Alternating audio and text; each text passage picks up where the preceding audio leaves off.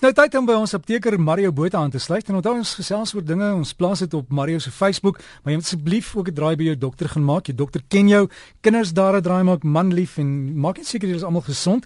Maar vandag gesels ons oor goed wat nie altyd lekker is nie. Ons baie bakterieë in die omtrek ons het virusse en ons liggame kry die goed in en dan het dit 'n groot effek op ons.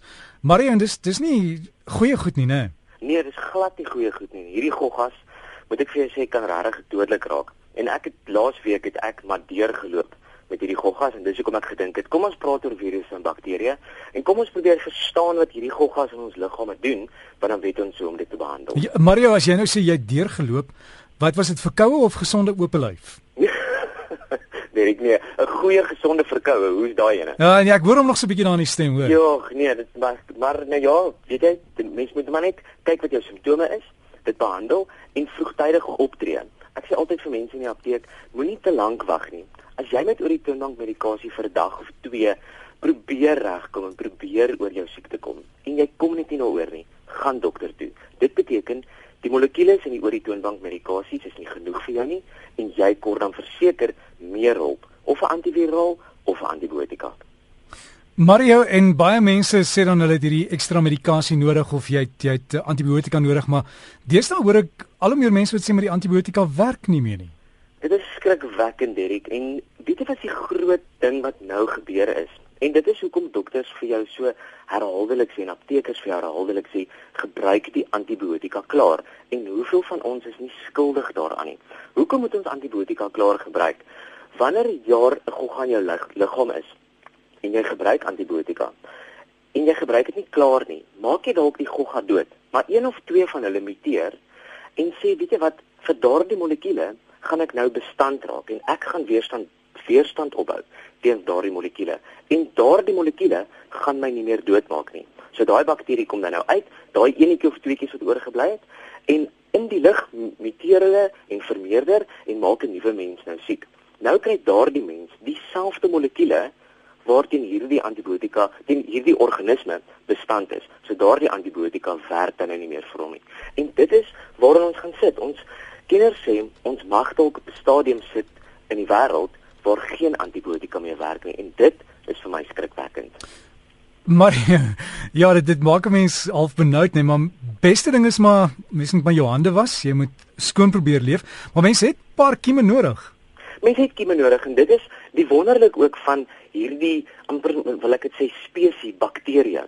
Ons het slegte bakterieë en ons het goeie bakterieë. En onthou jy goeie bakterieë is dinge soos Lactobacillus wat in die ingewande voorkom.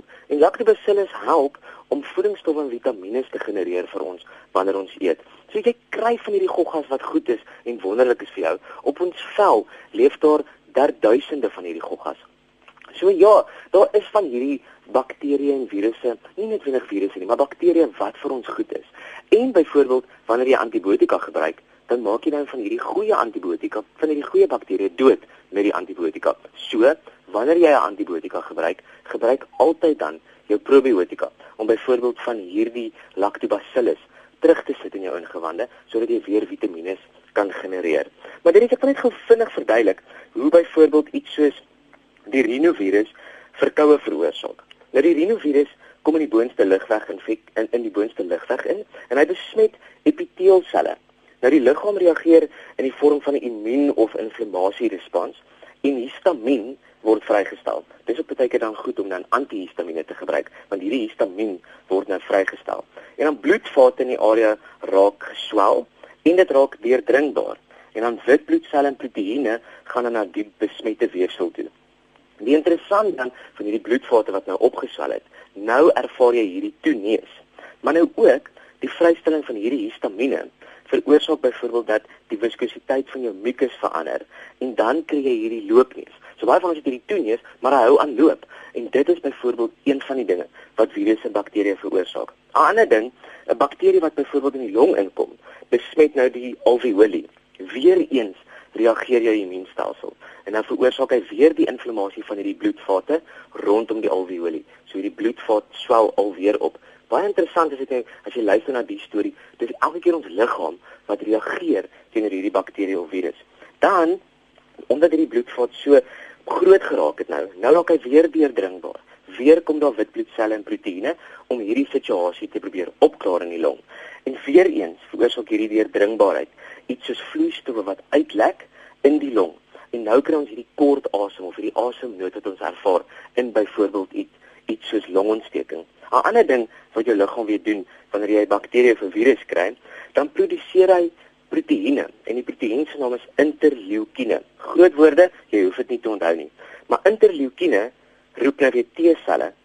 Dis die een funksie en T-selle beveg. Die ander funksie wat interleukine doen, hulle gaan na die hypothalamus toe, bind daar aan 'n reseptor en probeer die liggaamstemperatuur verhoog. En dit is dan wat ons ervaar as koors, maar in werklikheid probeer jou liggaam eintlik van hierdie virus ontslaa raak, want hoe hoër jou liggaamstemperatuur is, hoe beter beveg hy hierdie virus en die virus hou nie van 'n hoë temperatuur nie. Maar nou ja, aan die ander kant is koors ook nou nie goed nie. So baie interessant, ons liggaam reageer op 'n manier en dan kry ons simptome. Die simptome is eintlik ons liggaam se manier om te sê ek probeer hierdie ding beveg.